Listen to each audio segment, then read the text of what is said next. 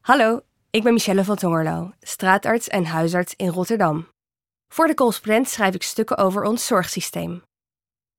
Vandaag wil ik je meenemen in het verhaal van mijn patiënt dat laat zien hoe bureaucratie de broodnodige zorg in de weg zit. En hoe je als zorgverlener ook bereid moet zijn om risico's te nemen om werkelijk voor je patiënt te kunnen zorgen. Uitgeput zit ze voor me.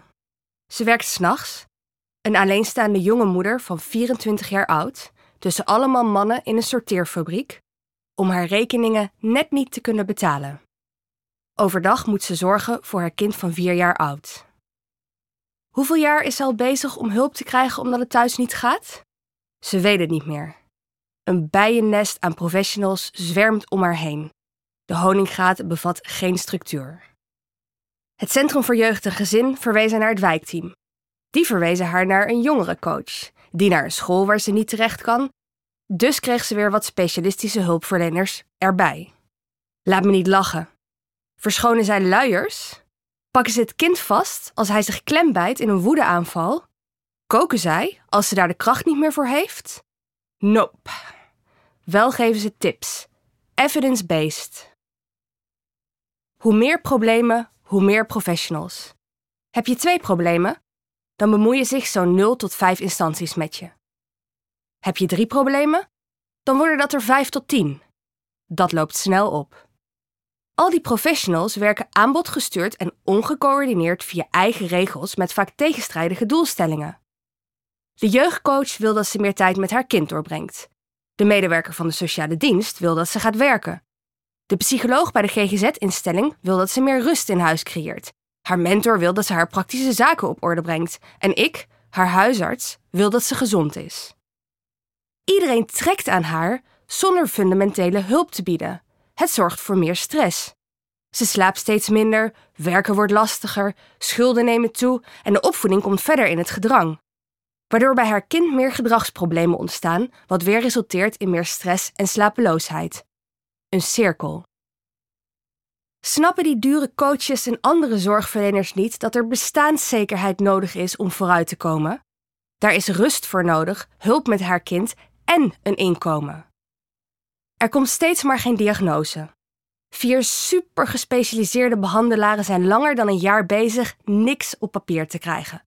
Het kindje werkt niet goed mee en de thuissituatie is ongunstig, wat een goede diagnose in de weg staat. Dat maakt het lastig, zeggen ze. Vooral voor mijn patiënt, toch? Dat bedoelen ze niet. De problemen, die de voorwaarden zouden moeten zijn voor hulp, zorgen ervoor dat het jochie geen hulp krijgt. Zo blijven ze draaien. Hoe zijn we hier beland? 19 jaar is ze als ze zwanger wordt. Ze woont met haar ouders en broer in een klein huisje in Rotterdam Zuid.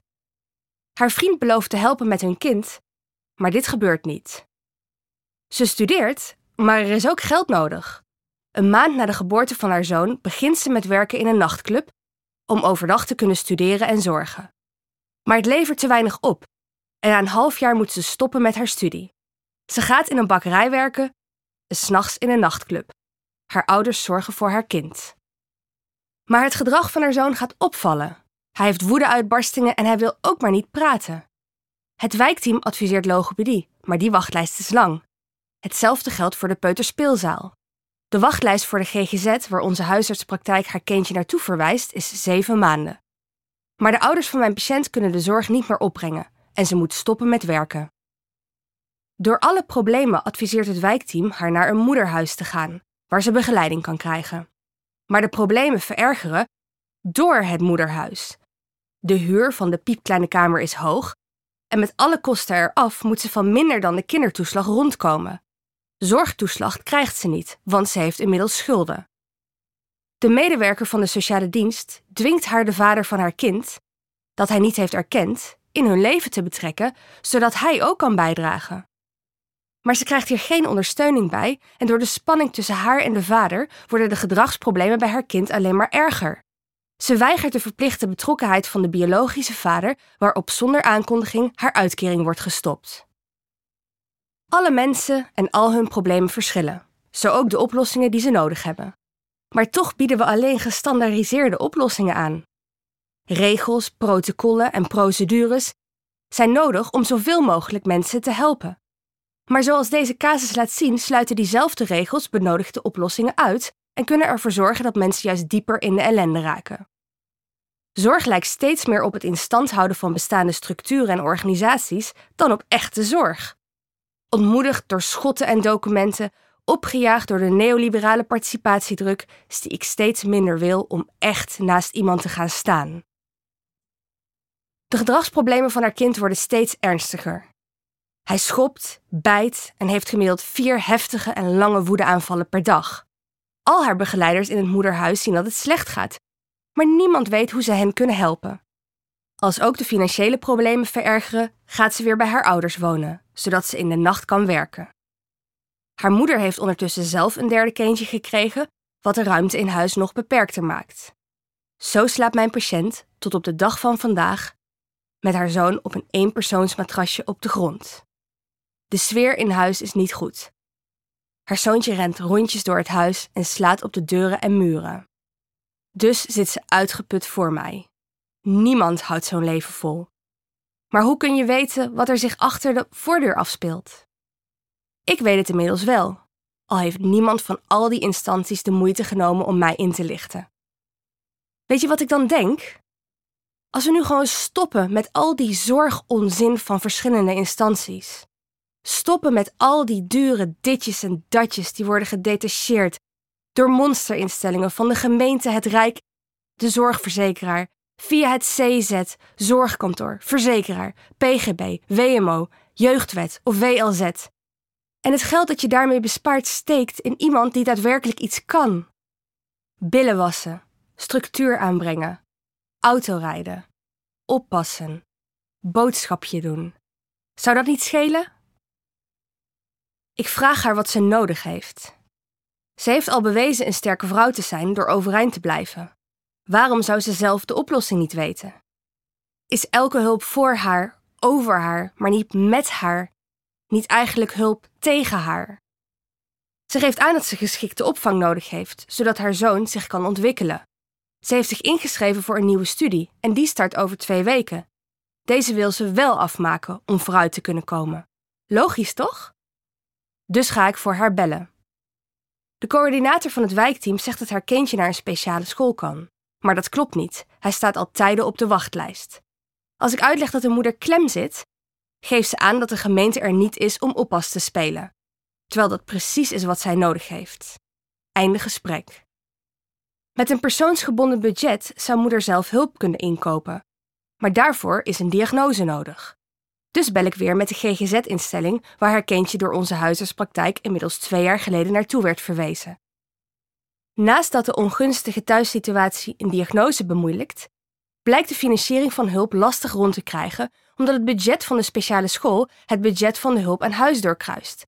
Hierdoor moeten veel verschillende partijen akkoord geven en dit kost tijd.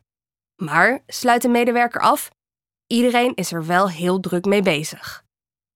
Als de brief met de diagnose op de mat valt, lees ik onder andere dat er problemen in de relatie tussen moeder en kind zijn. Gestraft voor het uitblijven van hulp. Terwijl het eigenlijk een wonder is dat moeder haar hoofd dusdanig koel kan houden dat jeugdzorg niet betrokken is. Met de diagnose kan ze een persoonsgebonden budget gaan aanvragen, maar dit proces duurt maanden en haar school start nu. Wat nu? Professionals verschuilen zich als het moeilijk wordt vaker achter de veiligheid van de regels en we zien wat dat kan brengen. Als je de regels volgt, doe je inderdaad niks fout. Maar doe je het ook goed? Bij alle dingen die mijn patiënt meemaakt, worden de regels braaf gevolgd. Maar rechtvaardig vind ik het allerminst. Dus doe ik iets wat tegen mijn professionele code ingaat. Ik bied aan particuliere financiering te zoeken. Met dat geld mag zij hulp regelen van iemand die zij vertrouwt. Zonder ingewikkelde vragen of gesprekken, volledig vanuit vertrouwen. Daarmee neem ik een risico.